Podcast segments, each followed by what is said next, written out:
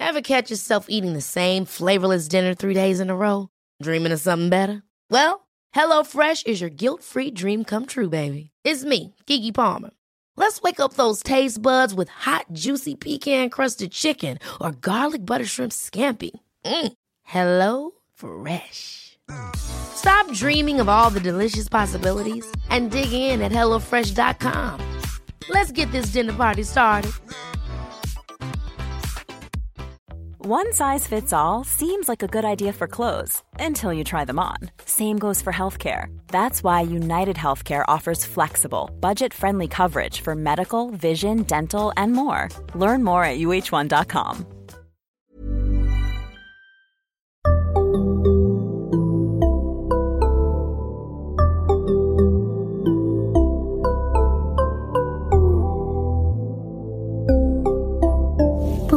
Barnpsykologerna. Välkomna till Barnpsykologerna, en podcast med Liv Svirsky och Lars Klintvall. Där vi idag ska prata om att vara förälder och klimataktivist och det ska vi göra med psykolog och klimataktivist Björn Paxling. Välkommen Björn! Tusen tack Liv! Eh, kan inte du börja med att presentera dig? Eh, både då tänker jag utifrån din psykologbakgrund och din klimataktivistbakgrund. Nej men absolut. Men jag börjar väl kanske i poddens tema. Jag är trebarnspappa. Har tre små mellan fem och elva hemma. Sen är jag legitimerad psykolog. Huvudsakligen med KBT-inriktning. Och eh, jobbat inom primärvård, eh, vuxenpsykiatri, psykologkonsultverksamhet och eh, forskat. Så jag har disputerat i klinisk psykologi och fått en doktorsgrad från Freie universitet i Amsterdam.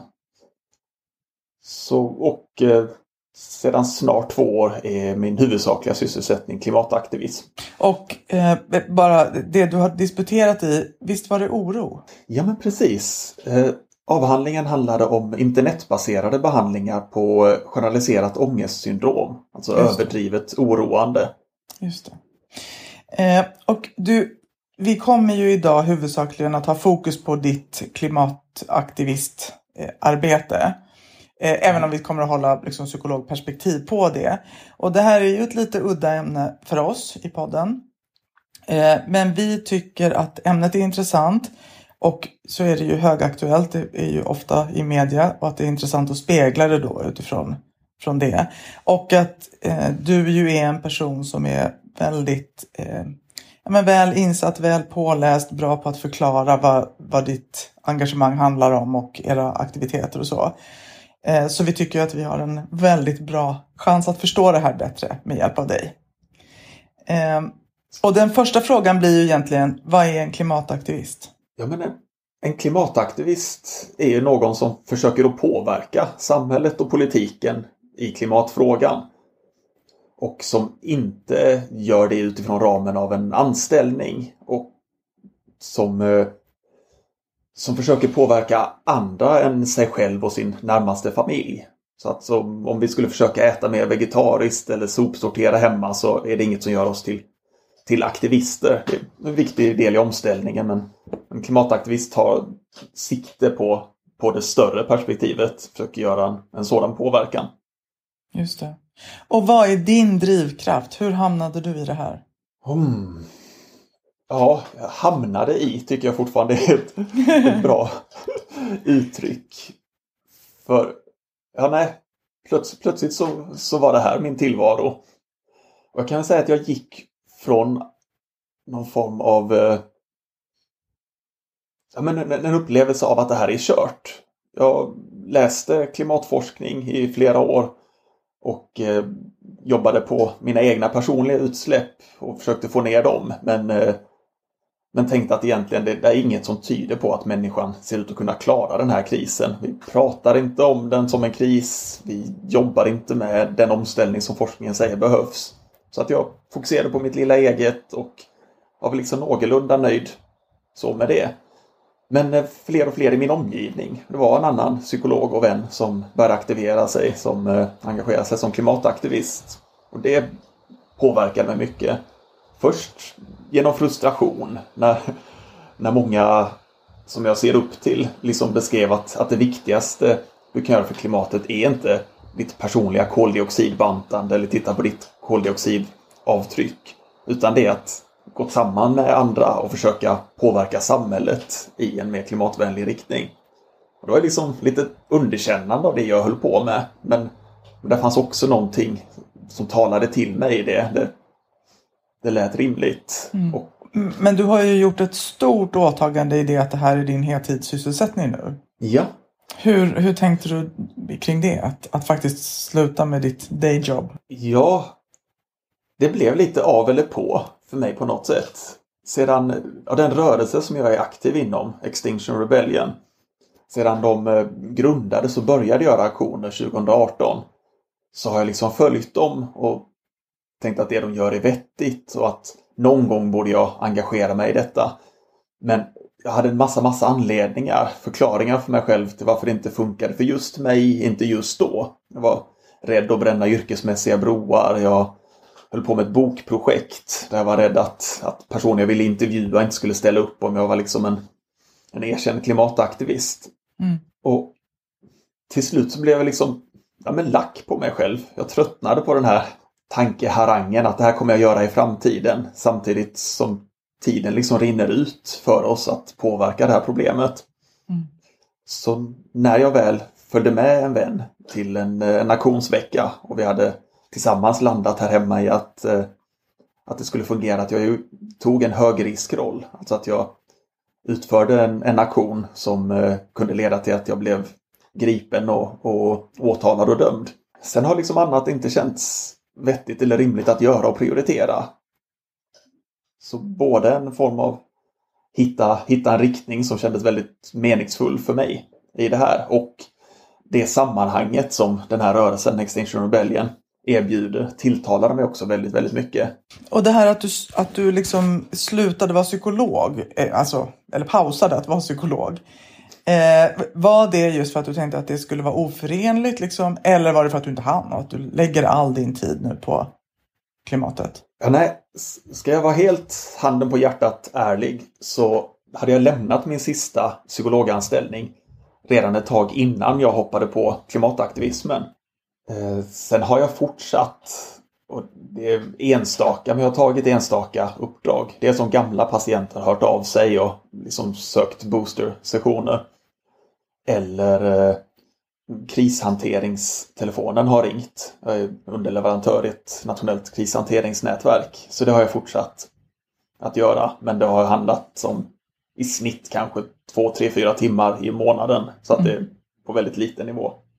Upplever du att det har varit problematiskt då att förena de här två rollerna eller yrkena?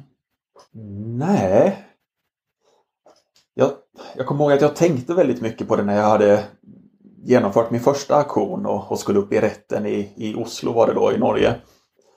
Att eh, undra om jag kommer kunna hålla det här hemligt för uppdragsgivare. Undra om mm, det som sker i Norge kan stanna i Norge så att säga. Och sen bar jag ruvade på det några dagar och det kändes väldigt fel.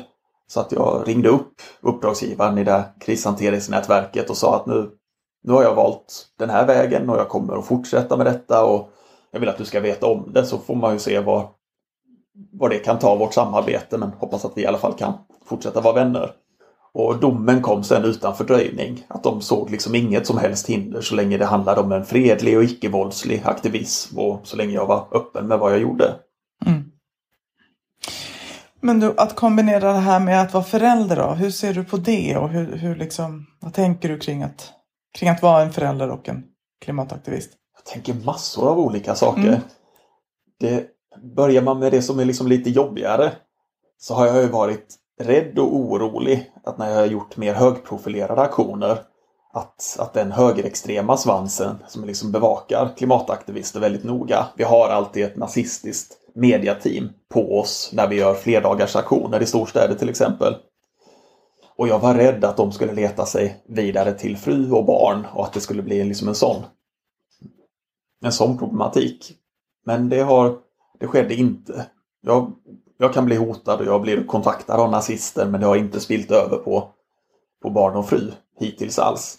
Jag var väl också till viss del orolig för hur, hur skulle det här bli socialt för barnen? Med, med lärare, skolpersonal, med klasskompisar, kompisars föräldrar och liknande. Skulle de liksom bli så social paria för att ha en pappa som, som gör det här? Men det visade sig också vara obefogad oro. Mm. Där, I den mån som mina barn har pratat om det här i skola, förskola så har de varit stolta över det pappa gör och de har inte fått ett mothugg.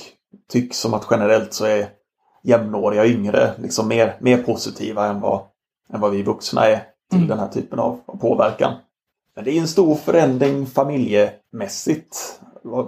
Där den kanske mest märkbara är ju att, att jag inte drar in några pengar från att ha haft rätt så välavlönade tjänster i näringsliv tidigare till, till att inte ha någon, stort sett ingen inkomst alls.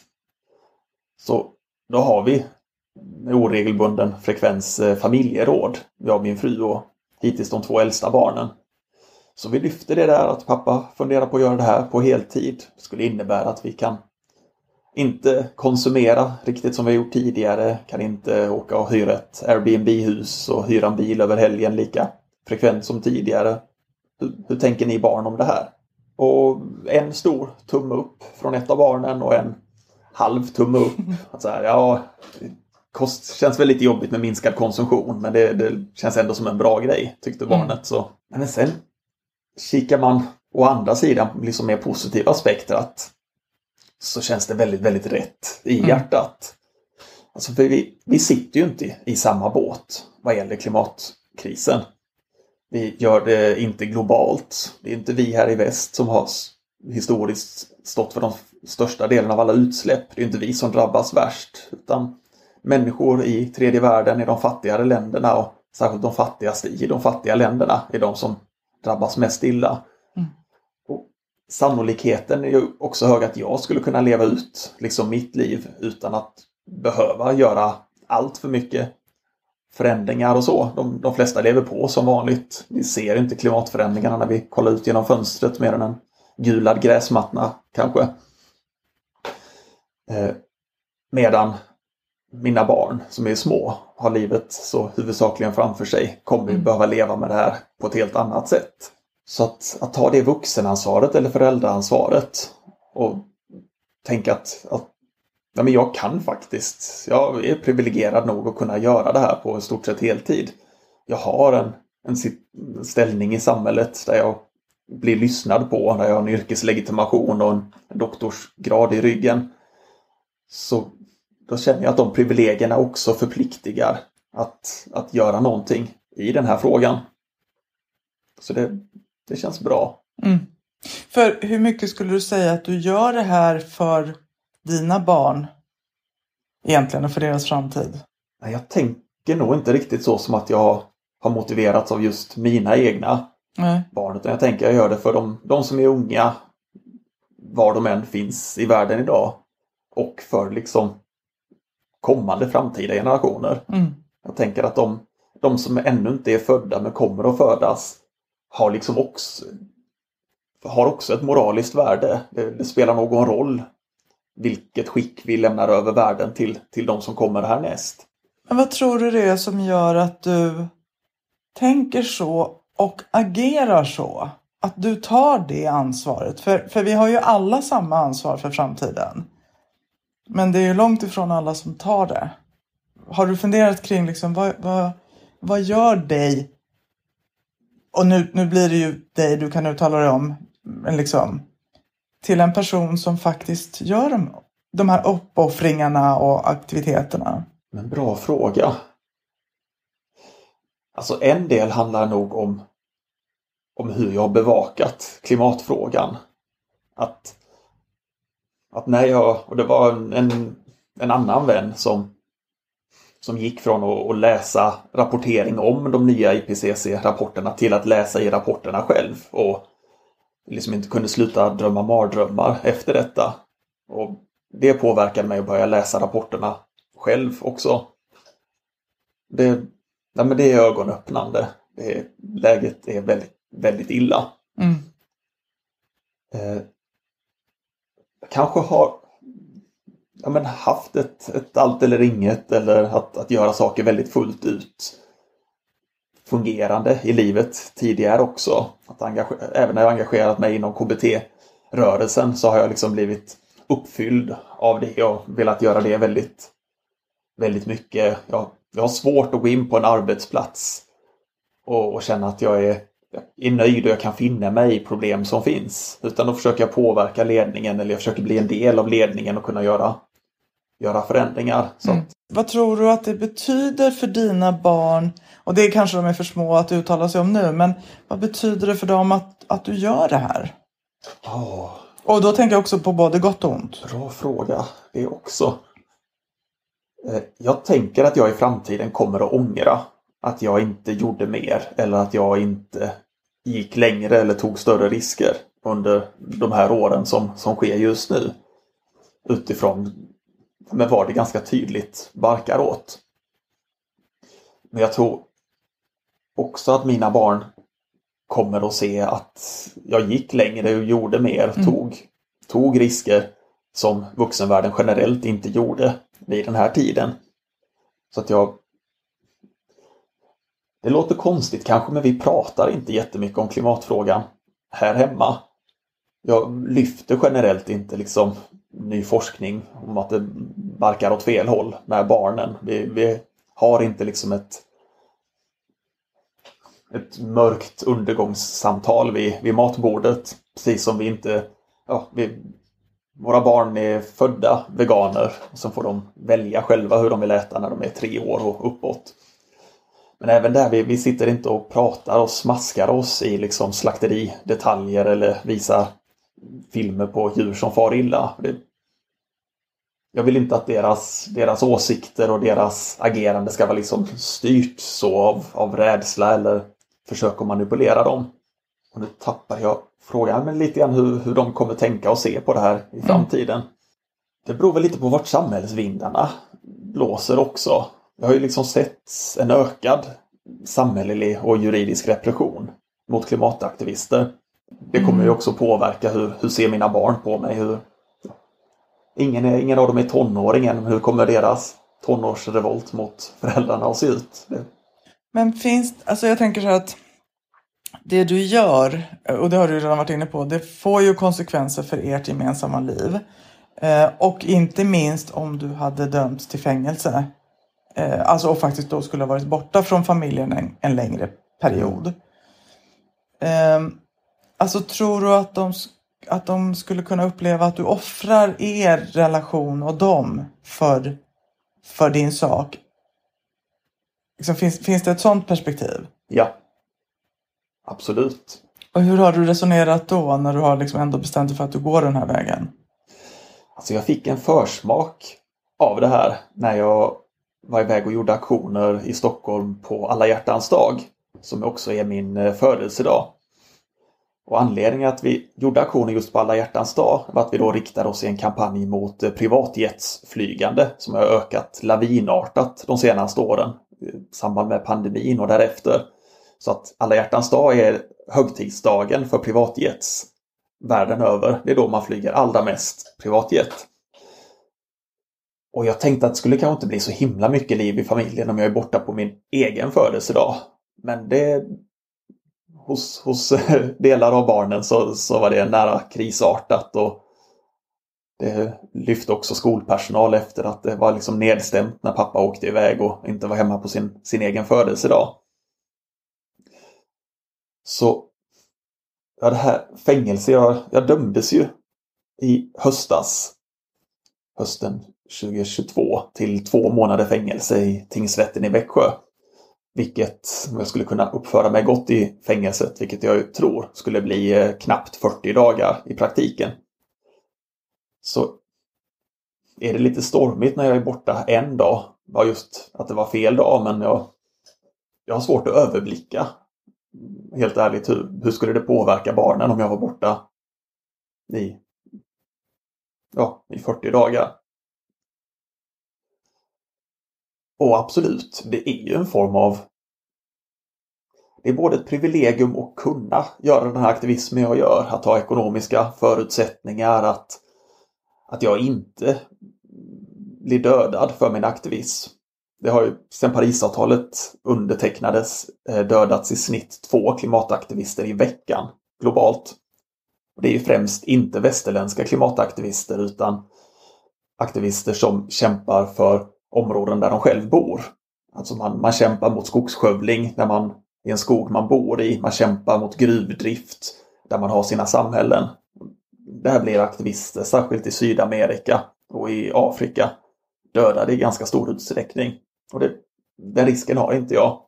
Jag blir också bättre behandlad av ordningsmakten i Sverige än vad rasifierade aktivister här blir och vad yngre aktivister mer hårdhänta med, med ungdomar än vad de är med medelålders gubbmän. Mm. Men jo, där, där finns något, något som ändå som man kan se som, som självuppoffrande i det här. Mina, två av mina barn var med mig på en aktion där jag blev påkörd två gånger av en mm. bilist med flit. Och det, det, är klart att det gör någonting med dem. Det är klart att de vet mm. att det här är någonting mm. som jag som jag vet kan hända när jag håller på med den här typen av aktivism. Mm. Finns det någonstans där du skulle dra gränsen? Det här gör inte jag därför att det skulle kunna innebära faktiska risker i form, alltså som liksom hot mot din hälsa eller ditt liv. Eller just det här för stor frånvaro. E- eller kanske hot mot din, din familj, dina barn. Ja, men vi har ju valt till exempel jag och min fru. Så alla, alla aktioner jag gör där jag riskerar att lagföras, då har vi tagit beslut om det tillsammans. Jag vill inte liksom plötsligt hamna i fängelse utan att vi har haft ett samtal om det, om det hemma. Mm. Och vi har sagt att det har varit okej okay att jag gör aktioner där det finns en risk att jag hamnar i fängelse men att jag inte är med i en typ av kampanj där man medvetet eskalerar och upprepar aktionen tills man säkert döms till fängelse. Mm. Det är ju en, en, strategi man hade kunnat ha. Mm. Sett till att jag nu fick en villkorlig dom i, i Göta hovrätt så är ju risken väldigt, väldigt stor att jag skulle hamna i fängelse om jag gick ut och limmade fast mig på en landningsbana igen. Mm. Och så små barn som vi har nu så är det inte aktuellt för oss.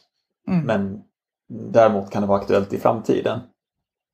Sen har jag ju fått många dödshot, mycket hat i sociala medier och i brev i brevlådan och i mejl hem och så, men inget som jag har känt att jag har anledning att ta på särskilt stort allvar. Mm. Vet barnen om det? Nej, osäker faktiskt. Mm.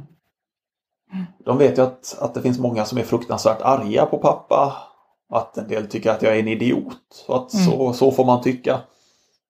Och jag förklarar också att, att en del av motreaktionerna också är en del av verkningsmekanismerna i den här metoden. Det är polariseringen där en del tycker att jag är något fruktansvärt bra och en del tycker att jag är en fruktansvärd människa som är vilseledd och, och dum i huvudet.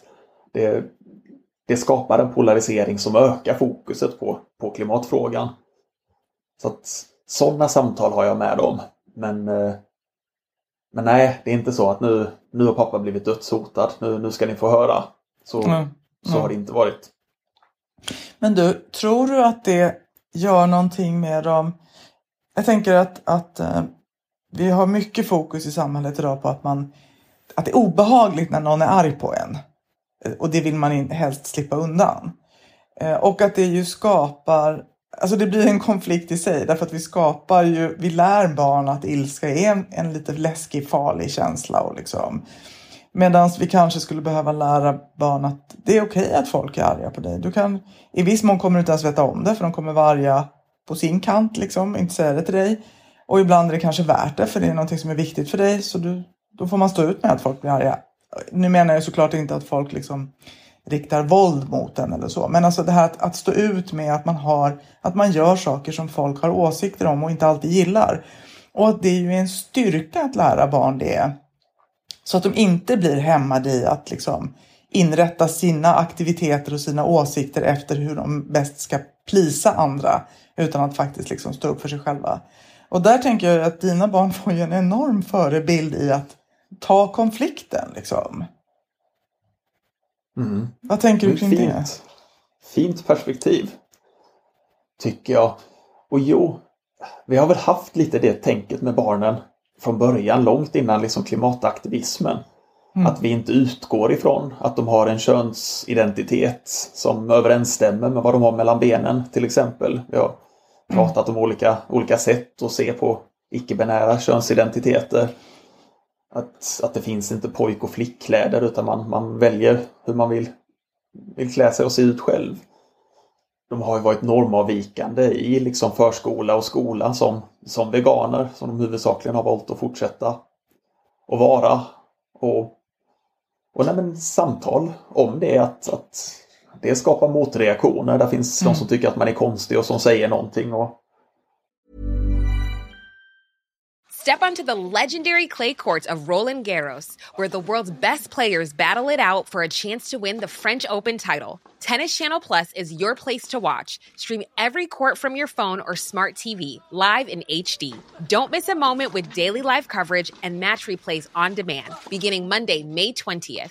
Be there for all the unforgettable moments. Stream now with Tennis Channel Plus. Ever catch yourself eating the same flavorless dinner three days in a row? Dreaming of something better? Well, HelloFresh is your guilt free dream come true, baby. It's me, Gigi Palmer. Let's wake up those taste buds with hot, juicy pecan crusted chicken or garlic butter shrimp scampi. Mm. Hello Fresh. Stop dreaming of all the delicious possibilities and dig in at HelloFresh.com. Let's get this dinner party started. Here's a cool fact a crocodile can't stick out its tongue. Another cool fact you can get short term health insurance for a month or just under a year in some states. United Healthcare short term insurance plans are designed for people who are between jobs, coming off their parents' plan, or turning a side hustle into a full time gig. Underwritten by Golden Rule Insurance Company, they offer flexible, budget friendly coverage with access to a nationwide network of doctors and hospitals. Get more cool facts about United Healthcare short term plans at uh1.com. Man kan välja att vika sig för det eller, eller stå på sig. Så att mm. Samtidigt som de förstås liksom lever i, i samhället som alla, alla oss andra och, och behöver förhålla sig till normerna och hur när det blir för jobbigt med med kritik och, och påhopp. Jo, jag tror de får, får med sig en, en modellering av, av att man, man inte behöver agera på ett sätt som gör alla, alla glada och nöjda. Och det, mm. det har gått åt andra hållet också. Ett av mina barn som inte är en flicka har haft mycket klänningar på sig och blivit eh, ja, kritiserad av jämnåriga för det att nu är du en tjej om du har en klänning. Och jag hade själv under många år tänkt att jag, jag tror att jag skulle vara ganska snygg i en klänning. Och sen skjutit det framför mig, inte skaffat någon, inte haft någon på mig.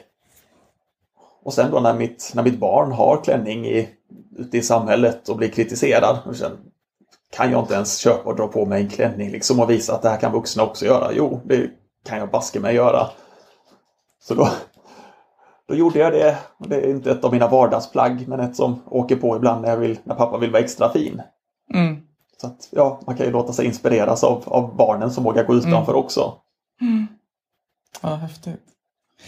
För ett annat perspektiv som jag också vill lyfta med dig det är att, att när vi pratar om det här och när jag liksom har tänkt inför det här samtalet så, så har ju liksom tankegången varit utifrån ett ett, ett delvis problematiserande perspektiv. Liksom, att just det här, du offrar mycket för din, liksom, på dina barns, eller å dina barns vägnar eller så. Liksom.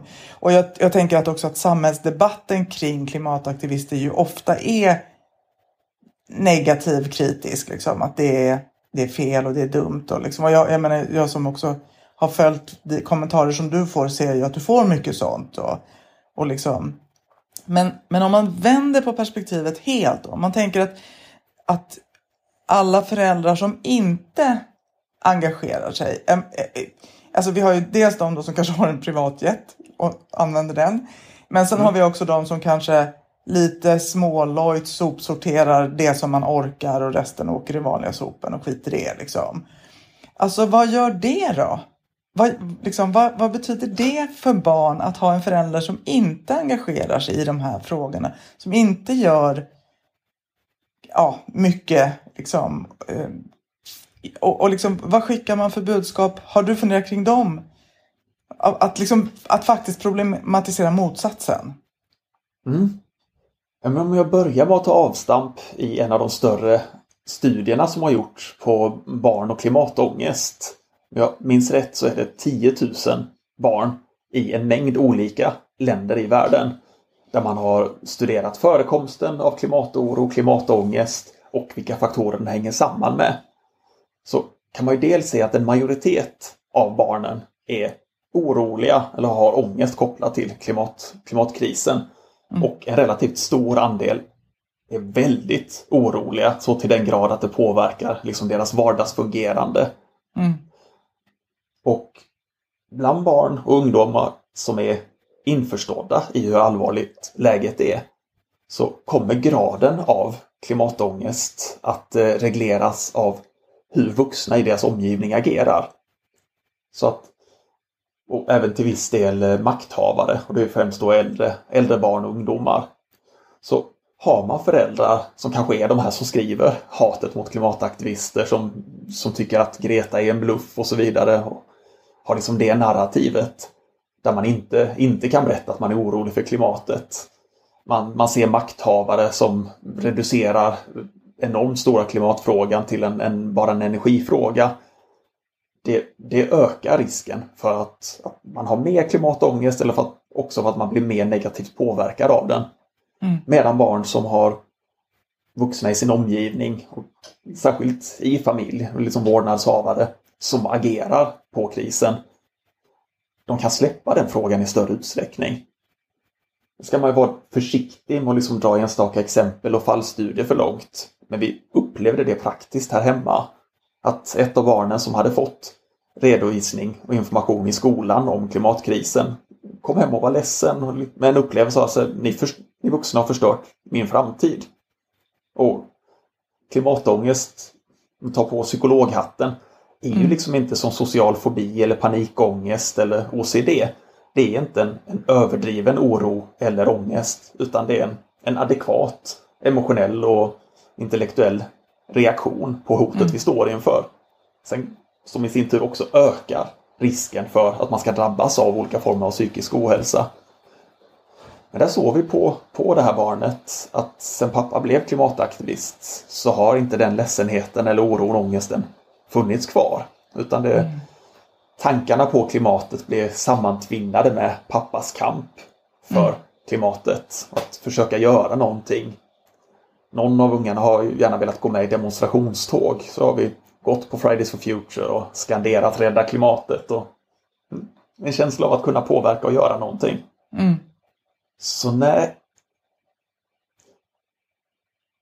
Jag tror kanske inte att, att mängder av barn kommer att och vara arga på sina, ja, svårt att säga, kommer man vara arg på mm. sina föräldrar längre fram? Jag, jag är det inte på mina föräldrar. De, de gjorde som de flesta andra gjorde, de gjorde det som var normalt på den tiden. Och mm. Även då kunskapen om klimatförändringarna har ju funnits sedan innan jag var läskunnig. Det, det hade gått att lyssna på det och agera på det men, men det hade varit någonting väldigt normbrytande och onormalt så att jag jag skyller dem inte för att de inte agerade men, men jag önskar att de hade gjort det. Mm. Du Björn, om vi skulle avsluta med om du skulle ge något råd eller några eller så till föräldrar eh, just för att hjälpa sina barn att hantera klimatångest. Vad, vad skulle du vilja skicka med? Ja, men en, en del som jag hör många föräldrar säga att de tycker det är svårt att prata med barnen om, om det här. För de vill helst inte tänka på att ta in det själva. Mm. Så väldigt, väldigt många vuxna mår väldigt, väldigt dåligt i den här situationen. Det är lätt om man, man går in på sociala medier och tittar på kommentarsfälten och tänker att nästan alla är klimatförnekare eller arga på klimataktivister. Men det, det är så kommentarsfält ofta ser ut på sociala medier. Att de som är argast tar mest utrymme och sen vågar andra inte, inte kommentera eller ge sig in i det här. Så vi ser liksom, det finns ett stort mörkertal klimatångest hos vuxna. Så det är väl det första jag skulle rekommendera, att, att läsa på, utbilda sig själv och att börja prata med andra om det här. Mm. Våga vara den som kan, kan skapa en obehag, otrevlig stämning eller en spänd stämning när man pratar om att man, man faktiskt tycker det här är jobbigt. Mm. Hantera klimatförnekare och så vidare för att det, det är det barnen behöver göra också. Mm. Sen tänker jag att vi har, vi har nästan som en globaliserad jantelagsrörelse vad gäller klimatet i världen idag. Där eh, liksom den som inte lever ett perfekt liv klimatmässigt, den ska inte öppna käften i praktiken. Och jag samlar på sådana kommentarer jag får. Alltså du, du som har skor på fötterna, hur kan du vara klimataktivist? Du som har åkt buss till aktionen, hur kan du vara aktivist? Vi blev uppringda av nazister som ville fråga om bilen som vi hade använt för att åka till en av våra aktioner som de hade fått rätt på i en förundersökning. Eller en av mina samtida favoriter från tidigare i veckan. Hur, hur kan ni säga att ni är för klimatet när ni använder plastficka och tejp på aktionerna? Ja, men grundperspektivet att, eh, att ens personliga uttryck och att försöka av koldioxidavtryck och utsläpp. Vill man påverka det så för all del, det, det är bra att göra. Men att kanske se det som en hobby eller som ett intresse. Men vill man påverka klimatkrisen då är det liksom en social påverkan tillsammans med andra människor på systemnivå. Det, det bör vara ens huvudsakliga inriktning. Mm. Inte huruvida man kan äta lite mindre kött eller återvinna lite bättre. Det, det är inte det som kommer att, att, leda till samhällsomställningarna som, som vi behöver. Och att göra det tillsammans med sitt barn. Så som du har gjort då, att demonstrera med barnen eller gå med i någon verksamhet tillsammans eller så. Vad tror du om det? Mm. Absolut. Fråga. Fråga barnen. Ge dem utrymme. Liksom visa att man välkomnar tankar och oro kring det här. Fråga om det är någonting de pratar om, om i skolan och så här det, det Lilla Aktuellt lyfter klimatkrisen, har haft många bra inslag. Det var väl en, en av mina barns besvikelser att, att eh, Lilla Aktuellt inte kom hem och gjorde ett reportage hos oss utan hos en annan aktivist. Nej, men att titta på och prata om sånt tillsammans. Det är, det är inte så att, att om man lyfter klimatkrisen så är det helt nytt för barnen och de blir vettskrämda utan det, det här har de runt sig, mm. det här växer mm. de upp med. Men välkomna och öppna för de här samtalen. Kanske också tänka att, att de vuxna som lider väldigt mycket själva av klimatångest, som är väldigt ångestridna av det här, att, att antingen faktiskt söka samtalsstöd för det. Inte för att klimatångest i sig är en form av psykisk ohälsa, men för att man kan i vissa fall behöva stöd att hantera det. Jag kan också starkt rekommendera att hitta andra som känner på liknande sätt. Att, mm. att det blir en ficka av normalitet att prata om det här. Många som har engagerat sig i den här gruppen Rebellmammorna har uttryckt just detta att här, här kan vi sörja tillsammans det som vi vuxna gör mot våra barn och mot deras framtid. På ett sätt som man inte kan göra i fikarumssamtal på jobbet. Just det. Björn, tack för att du var med och delade med dig av dina tankar. I ett för vår podd lite annorlunda samtal. Eh, men förhoppningsvis eh, intressant för många. Stort tack! Tusen tack själv. Och tack ni som har lyssnat. Ett nytt avsnitt kommer snart. Till dess kan ni följa oss på Facebook där vi heter Barnpsykologerna och på Instagram där vi heter Barnpsykologerna understreckare podd. Tack, hej!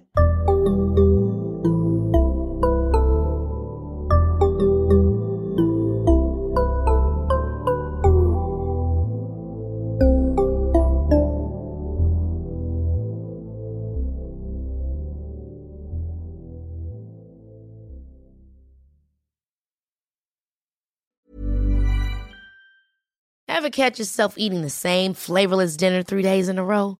Dreaming of something better? Well, HelloFresh is your guilt-free dream come true, baby. It's me, Gigi Palmer. Let's wake up those taste buds with hot, juicy pecan-crusted chicken or garlic butter shrimp scampi. Mm. Hello Fresh. Stop dreaming of all the delicious possibilities and dig in at HelloFresh.com. Let's get this dinner party started.